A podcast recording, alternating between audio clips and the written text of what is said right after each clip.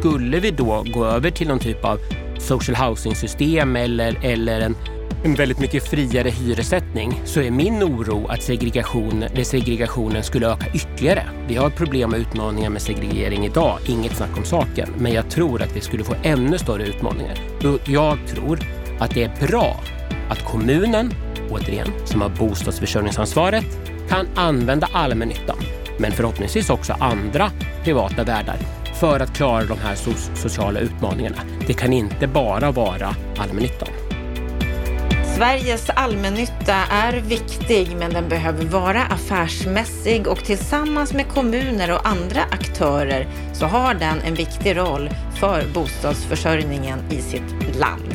Varmt välkommen till Bopolpodden där du den här veckan får träffa Johan Lövstrand som är ordförande för Sveriges allmännytta och också toppolitiker inom Socialdemokraterna. Möt honom här i ett samtal om hans väg i politiken, varför det är bra att Sveriges allmännytta har en politisk styrelse, vad som egentligen är allmännyttans roll och varför han inte tycker att det är rätt av fastighetsägarna och Hyresgästföreningen att gå ut i media med sina hyreskrav. Nu har ju allmännyttan gjort det också. Varmt välkommen till detta samtal som kommer att kommenteras av Kent Persson. Han efterfrågar en mer aktiv ordförande. Jag heter Anna Bellman.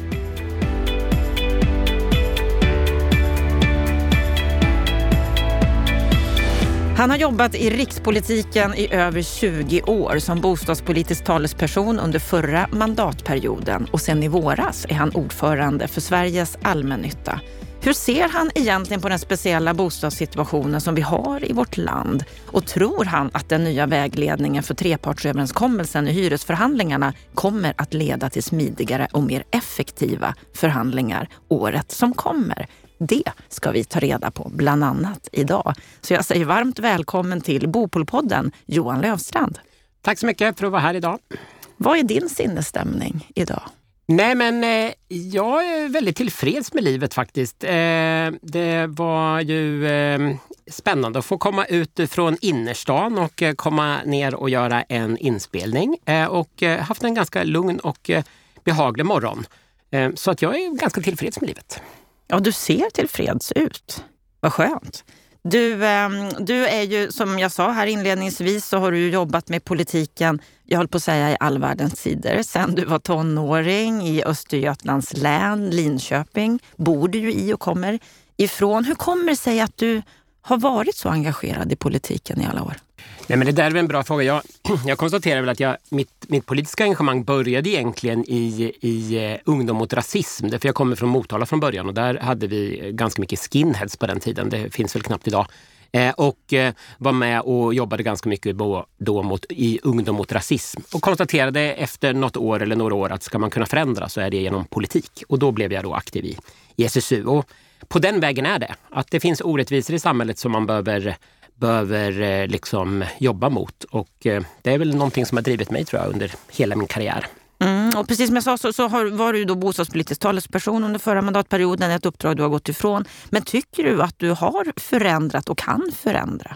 Nej men det tycker jag väl. Jag, har ju, jag var ju gruppledare och bostadspolitisk talesperson under, under åtta år. Eh, och under de åren så tycker jag ju att jag ändå jag fick, fick, en, fick ett gensvar i liksom hela liksom, vad ska man säga, den bostadspolitiska debatten. Där, där, vi, där vi fick igång bostadsbyggandet framför allt under de regeringsår som vi hade. Men där vi också lyfte upp de bostadssociala frågorna på ett helt annat sätt. Och de frågorna hade ju inte liksom funnits på agendan. Eh, så.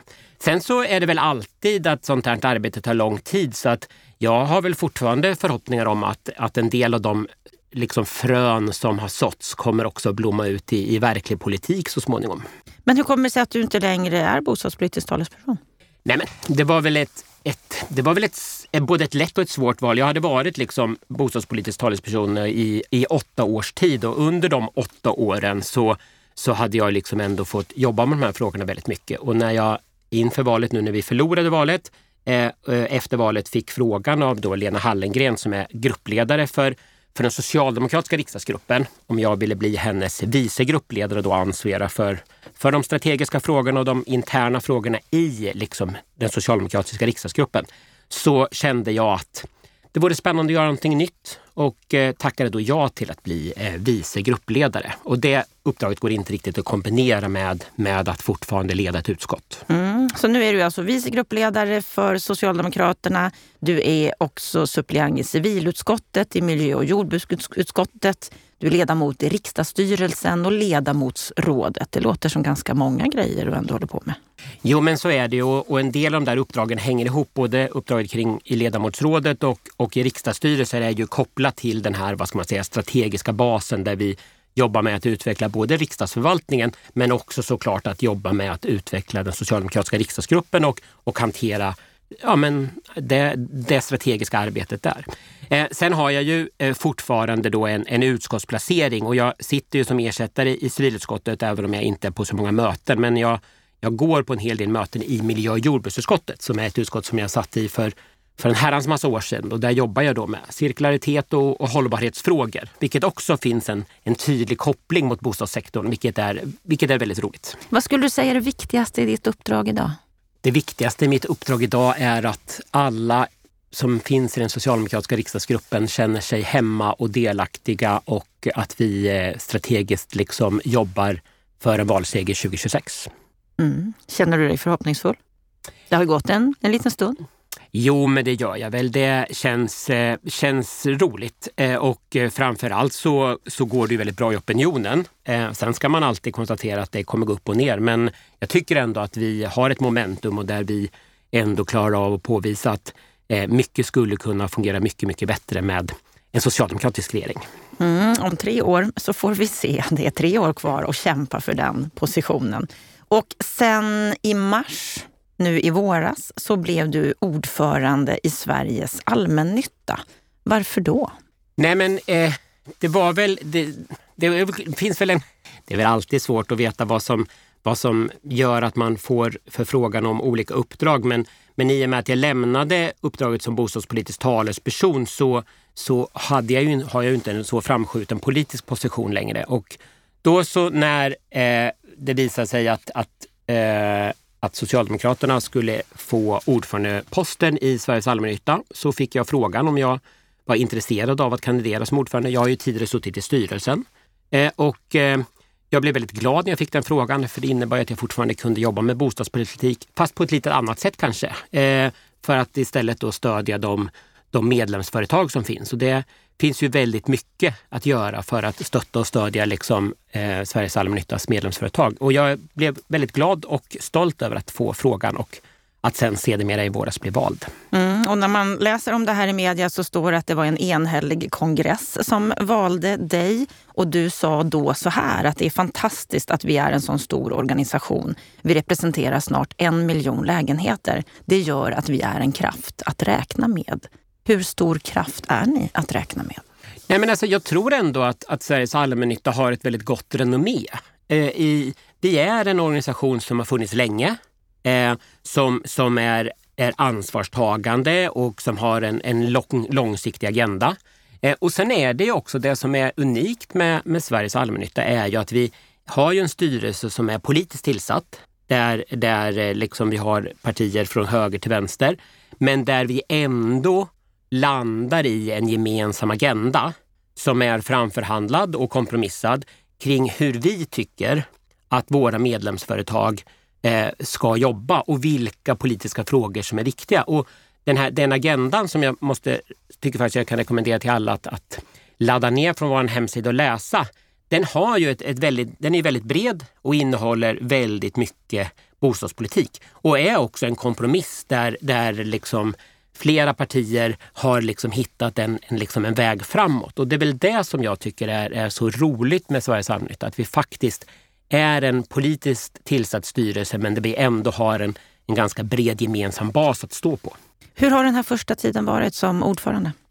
Nej, men det är väl, det är väl alltid så i ett, i ett styrelsearbete att nu har det ju bara gått snart ett halvår. Vi hade vår första strategiöverläggning här för någon månad sedan och jag var ute och träffade alla medarbetare här för också någon månad sedan.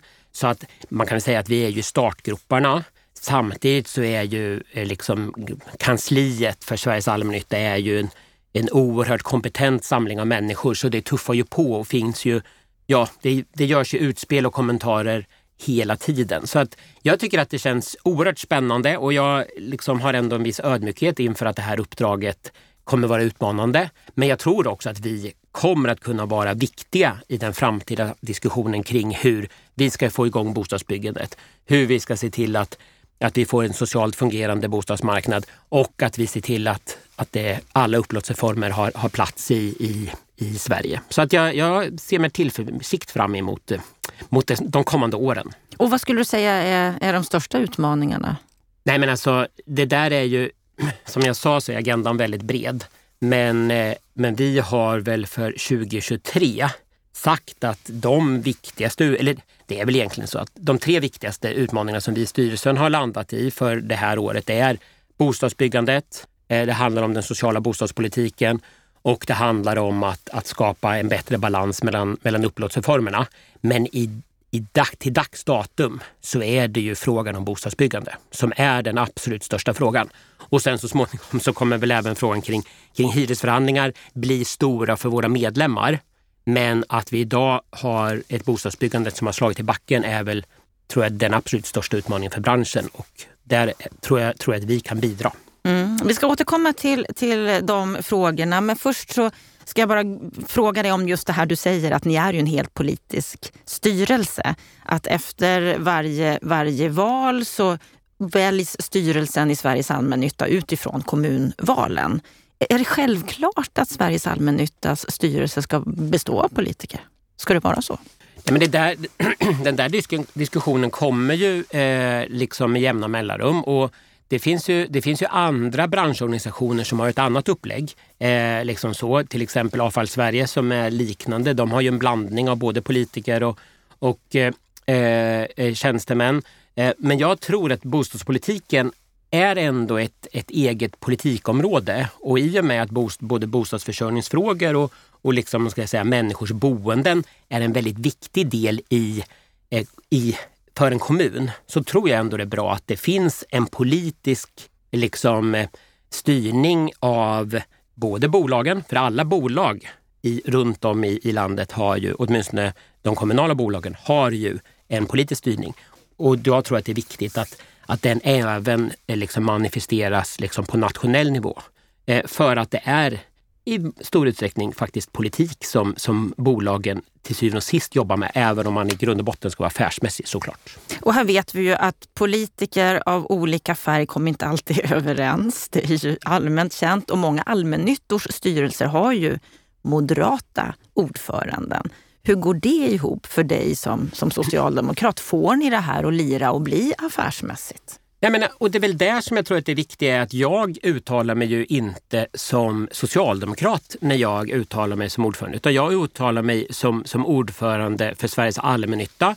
Jag utgår ju från det som står i vår agenda som vi har kommit fram till. Men framförallt så ska jag ju hela tiden agera utifrån medlemsbolagens bästa. Och där är det ju så att medlemsbolagens bästa, där finns det ju väldigt sällan jättestora politiska konflikter. För lokalt så är man ganska överens om att vad är det viktigaste för att vi nu ska bedriva en bra affär. Sen kan man alltid på, på marginalen hitta konfliktfrågor men i grund och botten handlar det om hur ska vi skapa en god affär och hur ska vi se till att vår ägare är nöjd. I, så du ser inte det här med olika politiska tillhörigheter som några större problem? Såklart kan frågan dyka upp och det är väl så framförallt kanske när vi i, i vår styrelse ibland svarar på vissa remissvar från regeringen så kan det ju finnas lite olika uppfattningar. Men där får man ju påminna alla runt bordet om att nu ska vi utgå från bolagens bästa och då är det ganska, oftast ganska lätt att pinpointa vad är det i, i de här remisserna som faktiskt är viktigt för bolagen. Så att såklart är det en utmaning, men jag tror i grund och botten att, att det är ganska bra att få känna över att vi måste ta ansvar, vi måste vara eniga och vi ska göra det för bolagens bästa. Så att eh, jag tycker det är väldigt ofta att det går väldigt bra. Och om vi tittar då på, på era bolag, de som du företräder. Hur mår de egentligen? Hur är det med, med Sveriges allmännyttor? Nej men Sveriges allmännytta eh, mår ju bra. Vi har ju, vi har ju extremt eh, liksom många bolag, det är över 300 bolag. Det man kan konstatera är ju att bolagen lever ju väldigt olika liv. Det är väldigt lätt, Alltså både bostadspolitik och det liksom bostadspolitiska liksom diskursen hamnar ju lätt om hur vi ska hantera bostadsfrågor i storstäder. Men tittar vi på medlemmarna i Sveriges allmännytta så är ju de absolut flesta ganska små bolag som inte ligger i en storstad. Och det gör ju att vi behöver ju ha en ganska bred palett kring, kring, ett, kring erbjudande och stöd till våra medlemmar. Eh, och jag tror ju att allmännyttan runt om i landet mår väldigt, väldigt bra för att man har varit långsiktig. Eh, man ibland är liksom lagom försiktig och man, man stöttar kommunen i sin verksamhet. Men visst är det så att man har olika förutsättningar i Stockholm och i, i någon av de mindre kommunerna i, i norra Sverige. Hyresgästföreningen de kom nyligen med en lägesrapport där de bland annat tittar på just allmännyttans utveckling. Och från att ha utgjort ungefär 25 procent av bostadsmarknaden under början av 90-talet så står de allmännyttiga bostäderna idag för ungefär 16 procent. En ganska stor minskning. Hur ser du på den utvecklingen? Nej, men det, där kan man, ju, kan man ju alltid resonera om. I grund och botten så, så menar jag ju att eh, det är ju flera skäl till, till detta. Eh, det finns ju både att det har skett en del ombildningar, att det finns kommuner som har sålt delar, delar av sitt bestånd för att man har haft, eller bolag som har sålt delar av sitt bestånd för att man kanske har haft en för hög koncentration. Eh, och det finns, finns annat som har hänt. Det är också väldigt tydligt att vi ser vi på den privata sidan så har det byggts mer än vad kanske allmännyttan har gjort. Eh, jag tror att det är man kan ju, jag tror inte det finns någon exakt siffra där man säger det här är den bästa nivån för allmännyttan. Utan allmännyttan är ju ett väldigt viktigt verktyg för att kommunerna ska, ska klara sitt bostadsförsörjningsansvar. Och där tror jag det är viktigt att, att jobba eh, långsiktigt men också att man ser till att liksom ta väldigt stort ansvar. Och där är det väl så att vi har ganska många allmännyttiga bostadsbolag idag som såklart har det tufft på grund av de kostnads, eh, liksom, den kostnadschock eller den, de utmaningar vi har nu med, med stigande kostnader på ett flertal områden. Men det är fortfarande så att bolagen i grund och botten är ganska trygga och stabila. Eh, och det har ju berott på att man kanske inte alla gånger har gjort så våghalsiga affärer utan att man istället har, har liksom fokuserat på, på det man har haft. Sen kan väl jag alltid tycka, det är väl alltid roligt om, om bolag växer. Eh, och vi ser ju att det finns bolag som bygger. Men vi ser ju också på, på områden där allmännyttan snarare behöver se över sin, sin, sina bostäder för att på så sätt skapa dem attraktiva och där det kanske inte är fler bostäder utan mer attraktiva bostäder som behövs.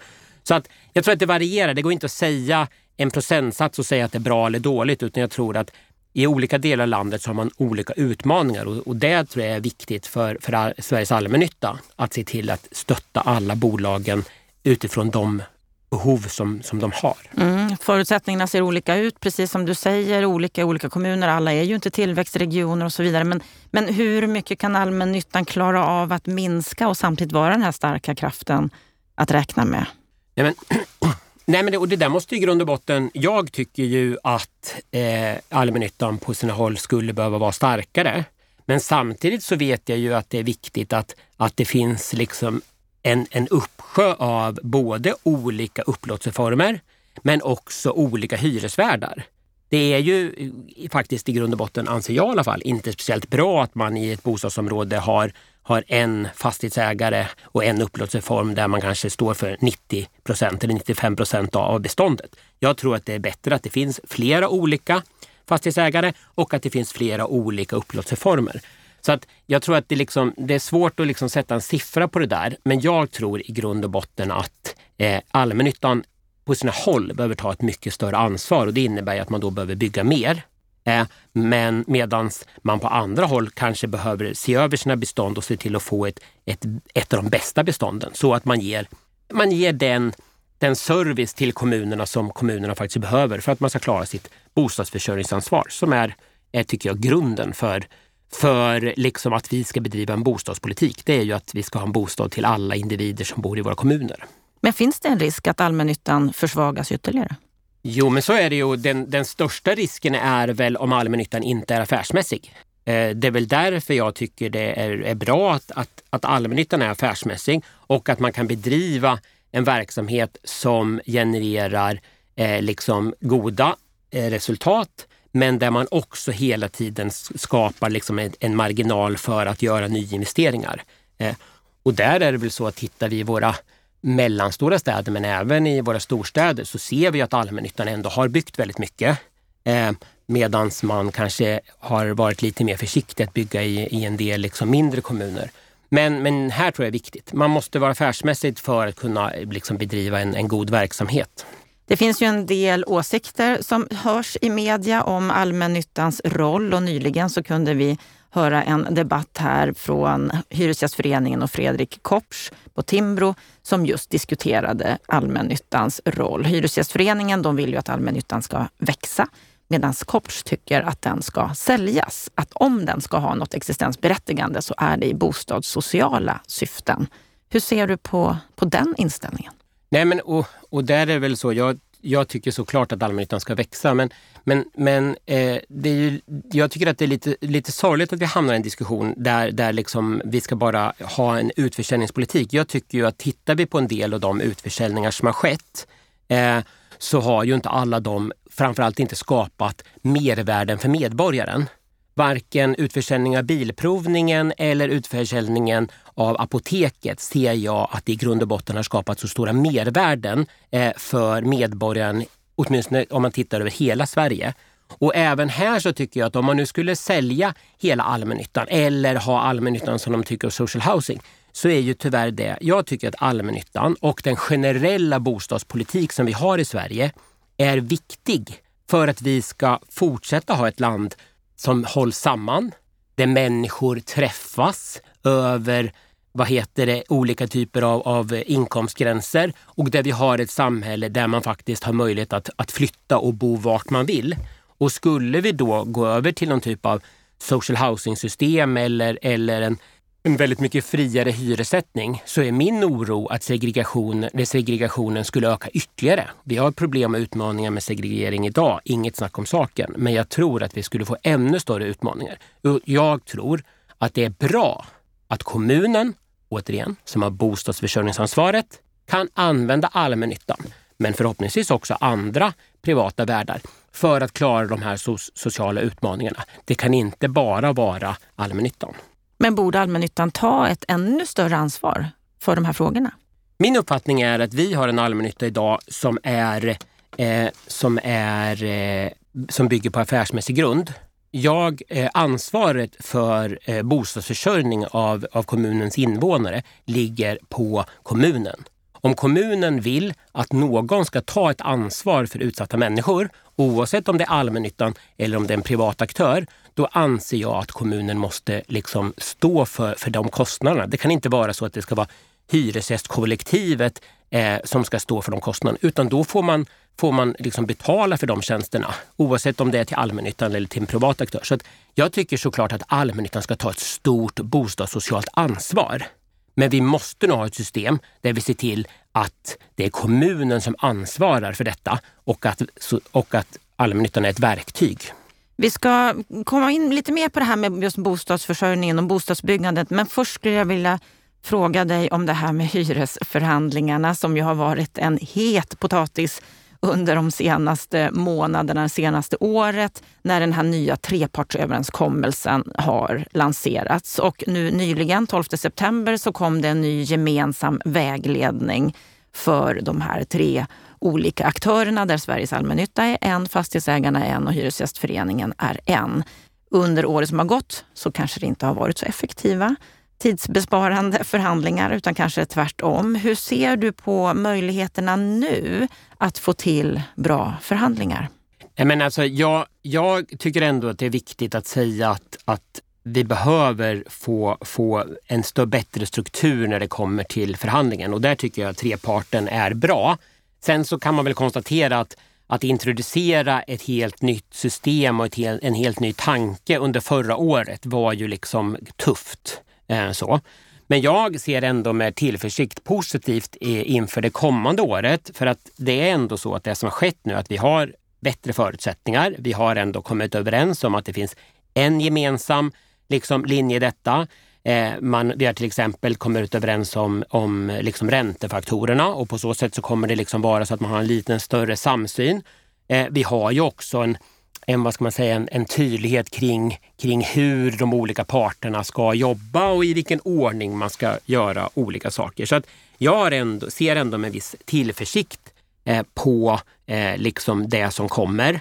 Sen så kan man väl konstatera att det är tufft och framför allt så är det ju så att Jag träffar ju väldigt många av, av mina medlemsföretag som, som säger att det är, det är, stora utmaningar och att man har liksom höga kostnader. Och det kommer ju göra, och det är i ett läge där vi samtidigt ser att vi har hushåll och hyresgäster som, som har samma problem. Så visst kommer det vara så att den här förhandlingen kommer att bli, bli tuff och utmanande.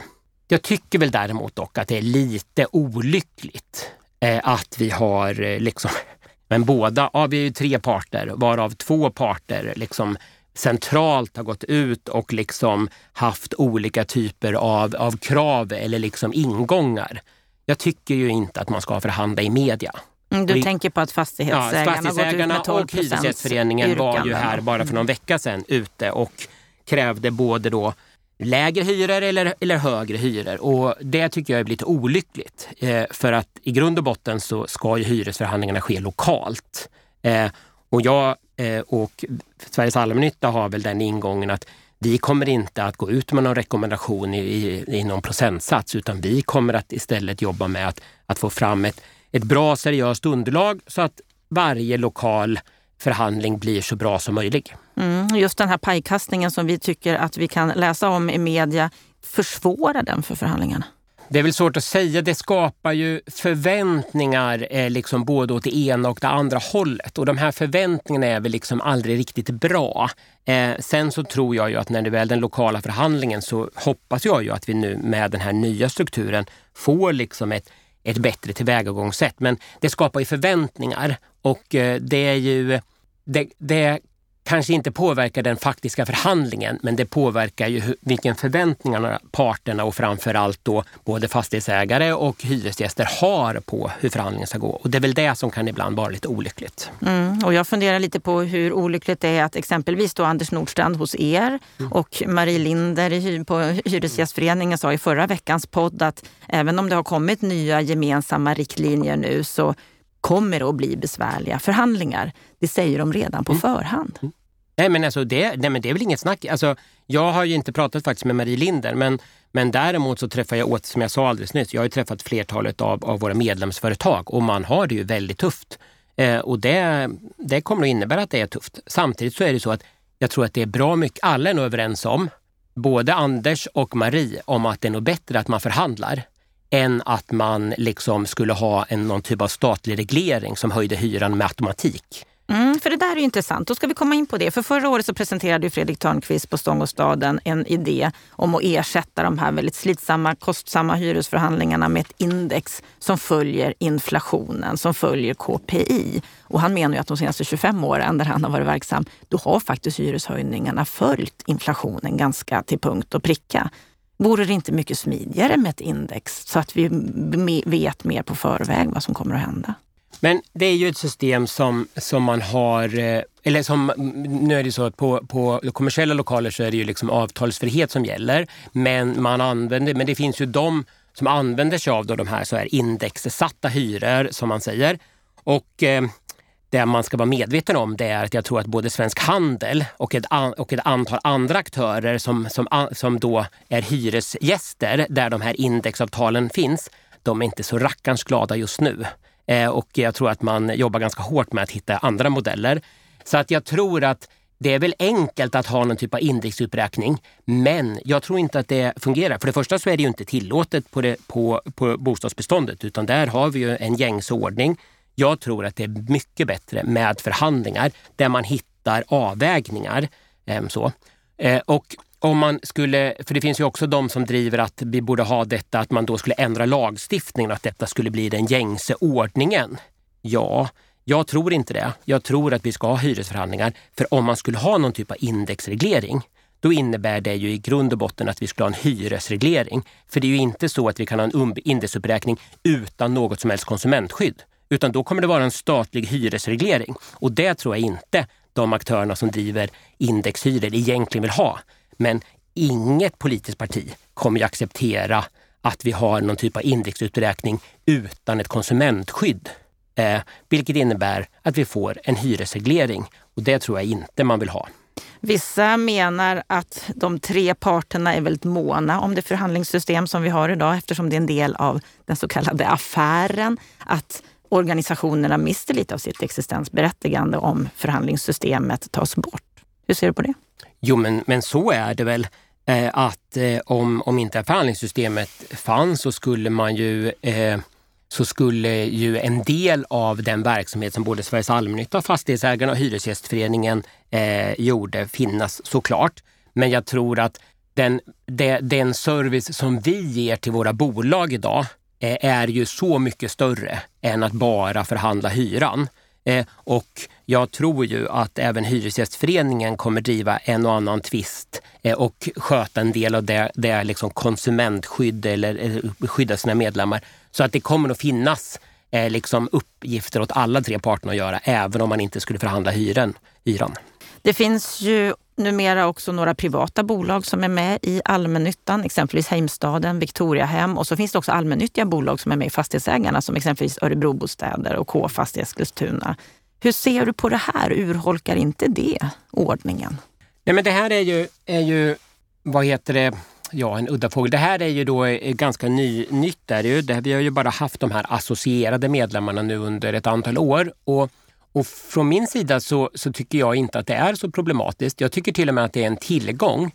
För precis som jag sa så är det ju så att för mig så är det ju det absolut viktigaste uppdraget att vi ska klara ett antal liksom... Alltså, det är så här, jag tar det igen. De, bostads, de, de associerade medlemmarna som, som idag är anslutna till Sveriges allmännytta, de de vilar ju eller har samma grundtanke kring att man ska jobba långsiktigt, ta ansvar och, och ha en god relation med, med både kommun och, och, och hyresgäster. Och jag tror att vi behöver fler fastighetsägare som vill ta det här långsiktiga ansvaret och att man har en dialog med kommunerna för att klara en del av de sociala utmaningarna. Och där tror jag att det är bra att, att de kommunala bolagen tillsammans med andra bolag som vill liksom, vad ska man säga, ta ett lite större socialt ansvar, liksom träffas och kan liksom utbyta erfarenheter. Så att jag ser det som positivt och jag har ju träffat flertalet av de associerade medlemmarnas eh, företrädare och jag tror att de, de tycker att både den utbildningsverksamhet som vi har är attraktiv för dem, men också det nätverk som så många av av, eh, av, av oss som är aktiva i Sveriges allmännytta har. Så att jag tror att det är en win-win. Du Johan, du har ju varit inne ett par gånger på de stora utmaningarna som vi har just nu med ett bostadsbyggande som kraschar. Vi har en ny prognos från Boverket som menar att vi kommer behöva 67 000 nya bostäder de kommande sju åren fram till 2030. Medan branschen menar att man klarar av 2022 max på sin höjd. Det är en väldigt stor differens mellan behov och vad som kommer att klaras av. Och precis som du varit inne på, kommuner har det tufft just nu. Många som jag möter här i den här podden menar att det behövs stora blocköverskridande överenskommelser just nu. Bland annat då Marie Linder som gästade oss förra veckan. Det behövs genomgripande reformer från rikspolitiken. Vi kan inte sätta hela bostadsförsörjningsansvaret på kommunal nivå. Hur ser du på det här? Nej, men alltså det här är ju kanske inte en ödesfråga, men, men jag tror att det här är väldigt viktigt. Och det är ju, jag har sagt det många gånger i min gamla roll och jag har inga problem att säga det i min nya roll heller, att det är ju på något sätt så att vi hade en väldigt utvecklad, vad ska man säga, bo, ett, ett ganska utvecklat bostadspolitiskt system i Sverige fram till 90-talskrisen. Eh, där där staten kanske till och med tog ibland lite för stort ansvar i att, att bygga bostäder, men det gjorde att det byggdes väldigt mycket bostäder. Eh, efter 90-talskrisen så var väl alla överens om över att man behövde se över de system som fanns. Problemet var att man ersatte de gamla systemet med ingenting. Och nu har vi under ganska lång tid levt med, med vad ska man säga, ganska skrala liksom, bostadspolitiska satsningar. Vi hade väl under Persson-regeringen liksom ett antal stimulanser och, och, vi har väl under de senaste åtta åren av socialdemokratiskt styre haft ett antal stimulanser. Men jag tror i grund och botten att vi behöver göra en, en, en större satsning och jag tror, precis som då Marie Linder säger, att jag tror att vi skulle behöva ha någon typ av, av långsiktig politisk överenskommelse här. För att grundproblemet är att vi, ägnar, vi ägnar, har ägnat åtta år, års tid åt att debattera huruvida vi ska lägga tre miljarder på ett investeringsstöd eller inte. Det förändrar inte bostadspolitiken, de här tre miljarder i investeringsstöd. Det kanske genererar några bostäder. Vi skulle nog behöva ha en mycket större omläggning där vi ser till de utmaningar som faktiskt finns. Att vi har en bostadssituation som inte fungerar i våra större städer.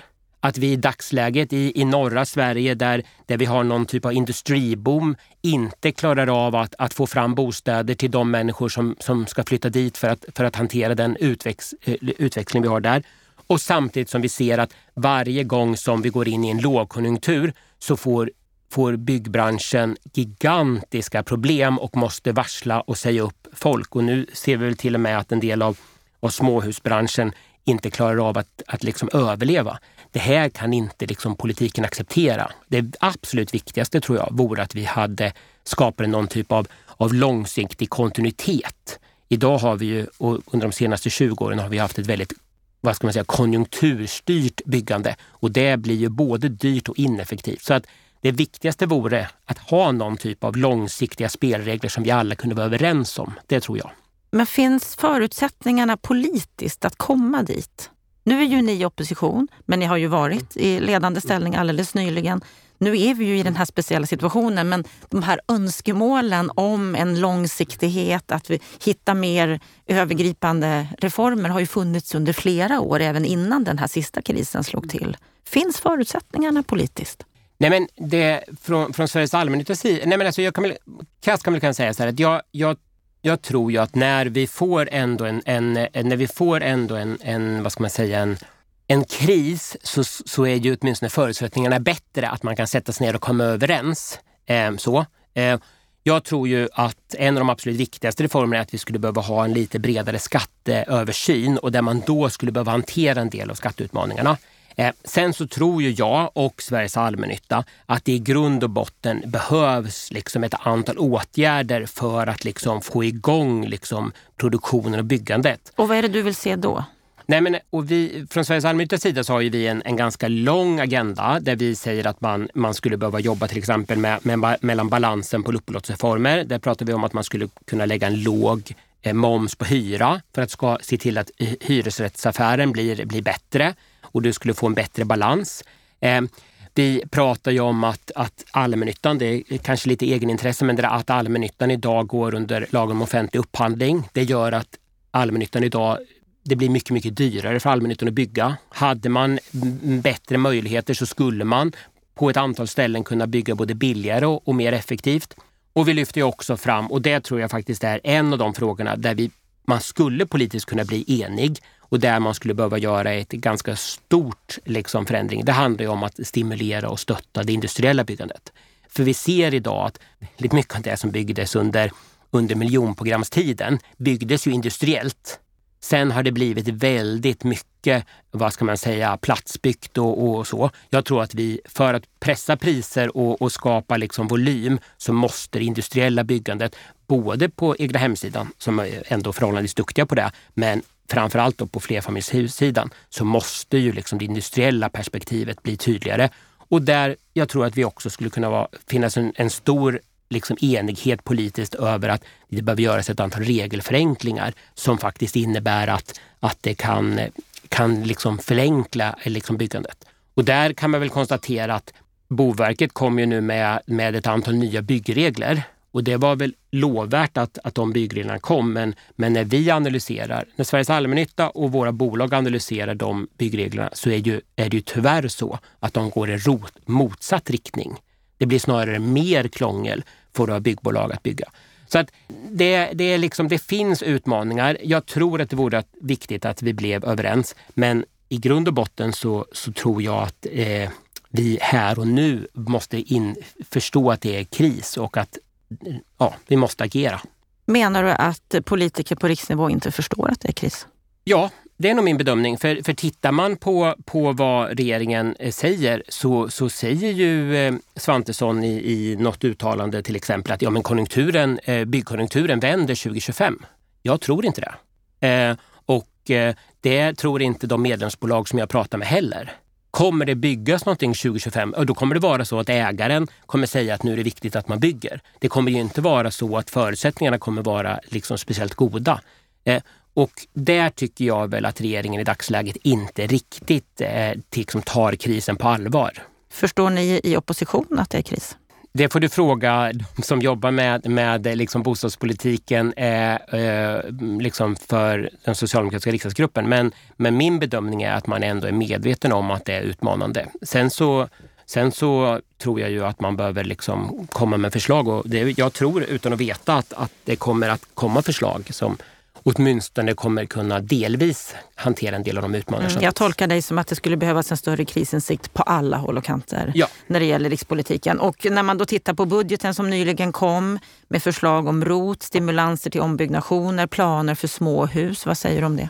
Nej, men min bedömning är ju att, att ROT kommer ju inte att generera några nya bostäder.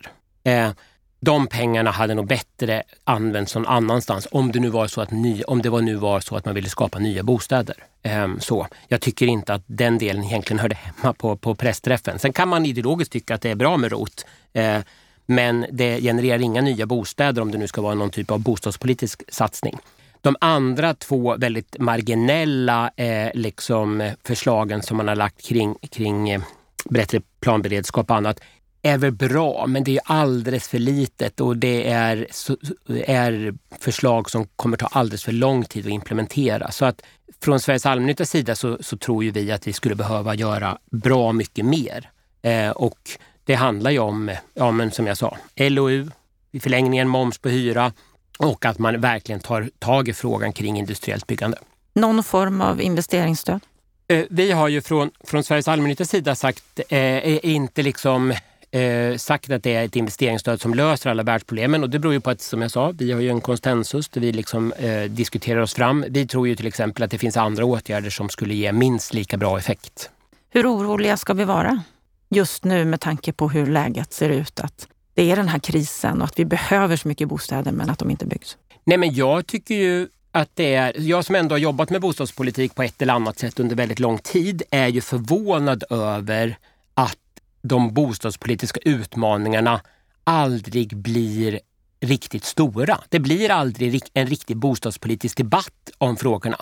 Och det är väl kanske ett, ett av skälen är väl att, att väldigt många medborgare ser inte bostaden som ett politikområde utan snarare som en marknad. Och det tycker jag ju är fel, för i grund och botten så är det så att det är väldigt många politiska beslut, både på kommunal nivå och på nationell nivå, som faktiskt påverkar eh, antalet bostäder som byggs. Så att jag tycker det är lite synd att, att bostadsfrågan inte får större utrymme i den allmänna debatten än vad den har. Det, det, vi som jobbar med bostadspolitik tycker det är så himla viktigt men varje gång det blir val då, då liksom trillar den här frågan ner ganska långt ner på agendan och det är väl lite sorgligt. Så med andra ord ska vi vara oroliga? Ja. Mm. Och då får vi hoppas att den oron leder till något annat. Vad drömmer du om Johan?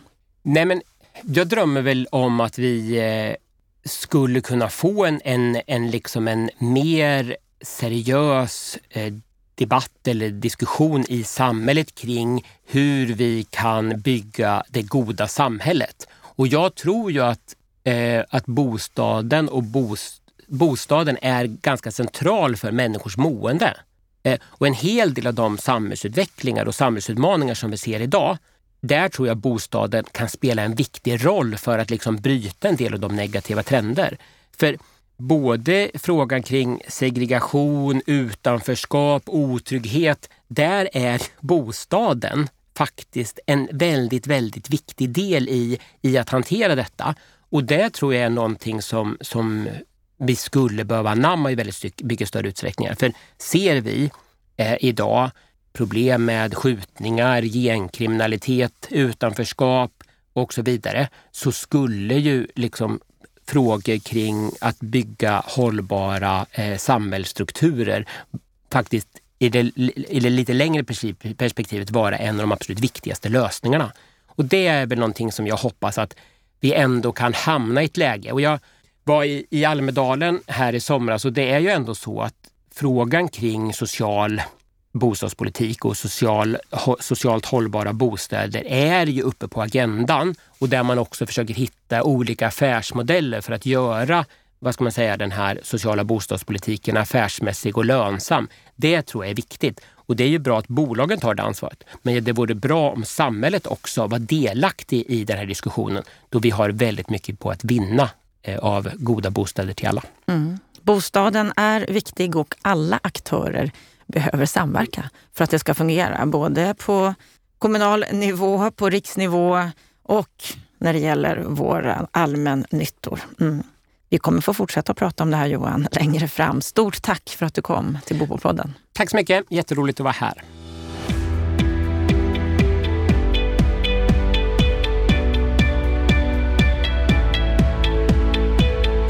Ja, då har vi hört samtalet med politikern och ordföranden i Sveriges allmännytta, Johan Lövstrand. Kent Persson, vad tänker du när du hör det här samtalet? Nej, men Johan har ju ett stort engagemang, det hör man ju. Och det är klart att han har ju, som du också pratar med honom om, en lång politisk erfarenhet och han har jobbat med bostadspolitiska frågor länge. Så att jag har ju träffat honom till och ifrån rätt mycket under de här åren. Jag uppskattar hans kunskap. Han, han har en bra och bred kunskap om bostadspolitik. Jag tycker också att han är en av de politikerna som är nyfiken.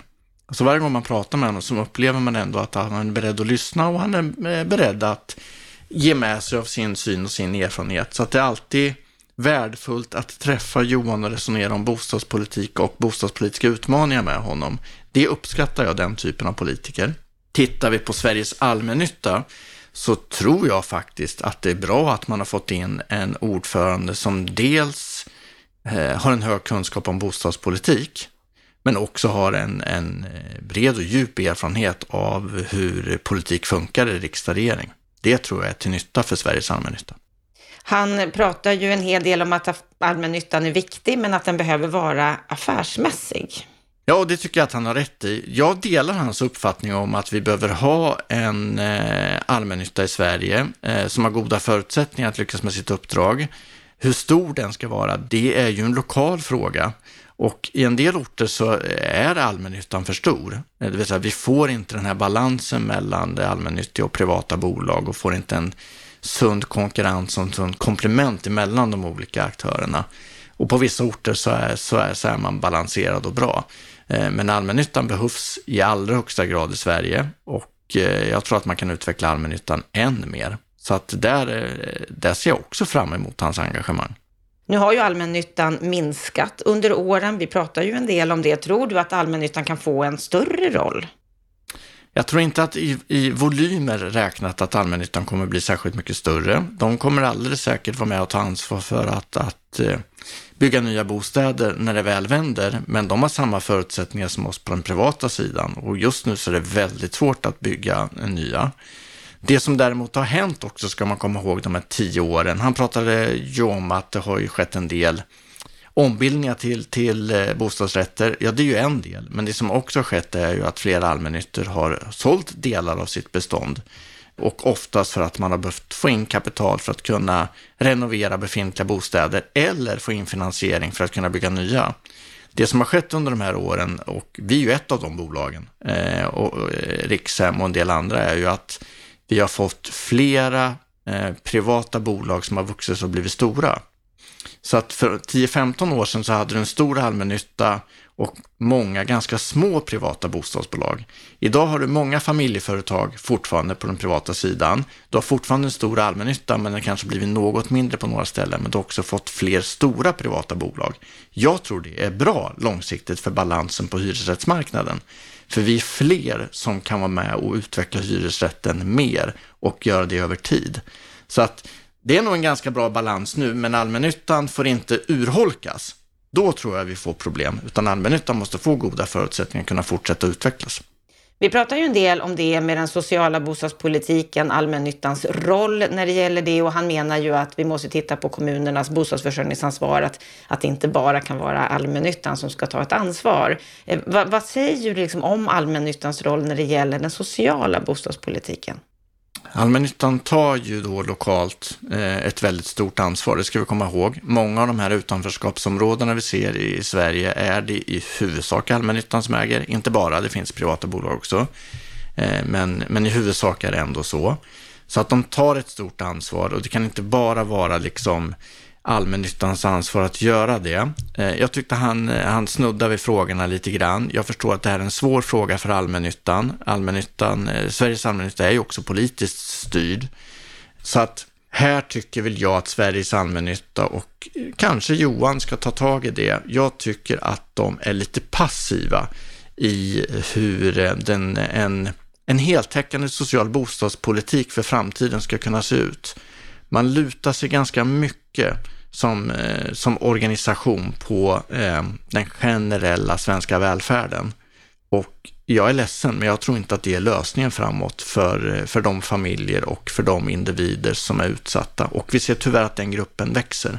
Vi kommer behöva ha en politik som är riktad och stöttar de allra mest utsatta och det har vi inte idag. Här skulle faktiskt Sveriges allmännytta kunna bidra. Ja, de skulle kunna vara mer aktiva i att, att bidra och hitta lösningar. Det vi nu ser, det är ju Stadsmissionen i Stockholm som nu går före och bygger den här fastigheten med differentierade hy hyressättning. Det är ju jättespännande. En sån sak skulle ju all, alltså det skulle ju Sveriges allmännytta kunna driva och också visa att det fungerar. Så att jag skulle önska lite mer, både policyutveckling från Sveriges allmännytta, men också lite mer så här pragmatiskt ansvarstagande och visa att det finns mer och fler lösningar än att luta sig på den generella välfärden, för den kommer inte räcka till. Och eh, kort avslutningsvis här då, även om det är en väldigt stor fråga, det handlar ju om det här med hyressättningarna och hyresförhandlingarna som ju har kommit igång nu, där han är väldigt tydlig med att han tycker inte att fastighetsägarna och Hyresgästföreningen gör rätt i att vara ute i media och prata om hur de vill förhandla hyror. Hur, hur ser du på hans eh, hållning här? Han har en svår position i detta och här ska man väl också säga det att, att berömma Johan för hans engagemang och hans polit, politiska kunskap så är det såklart att han leder en, en stor bostadsorganisation som är politiskt styrd. Eh, men ibland tror jag att Johan kommer få lite problem med att balansera sina olika uppdrag, det vill säga att vara en företrädare för Socialdemokraterna och han har ett framträdande uppdrag i riksdagen. Han är vice gruppledare. Han har drivit bostadspolitiska frågor under väldigt många år eh, och förknippas med det och är ju engagerad. För det hör man ju också. Samtidigt så ska han leda en organisation eh, där fler intressen är involverade. Det är ju också så att allmännyttan idag, som ni berörde, har associerade medlemmar som är privata. Och då måste han nu låta sin socialdemokratiska roll vila lite grann. Det där är en utmaning för honom. Och då när vi kommer in på de här förhandlingarna som är så känsliga, så är det såklart att han försöker nu att, att hitta någon position mittemellan detta. Jag tror att hans medlemsföretag förväntar sig mer av en ordförande i att kliva fram och också tala om att även de allmännyttiga bolagen behöver ha högre hyresuppräkningar än vad vi haft historiskt sett. Särskilt nu i svåra tider. För att annars kommer fler allmännyttiga bolag få det jättesvårt framåt. Så här tror jag att han över tid kommer behöva kliva fram och vara tydligare i att även allmännyttiga bolag behöver ha högre hyres hyreshöjningar än vad vi har sett. Mm. Vi får se om han tar en mer framträdande position i detta under hyresförhandlingarna som väntar här nu framåt. Stort tack Kent för din kommentar. Stort tack till dig som lyssnar på Bopolpodden.